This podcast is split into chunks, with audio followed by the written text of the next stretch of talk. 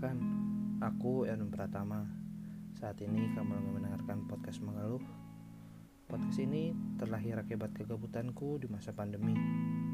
Semoga cerita yang aku bagikan bisa menemani dan menghibur kalian semua ya. Walaupun mungkin tidak bermanfaat banyak. Sekian dulu perkenalan singkat kita. Terima kasih untuk kalian yang sudah mampir dan mendengarkan podcast mengeluh. Mengenal lebih jauh.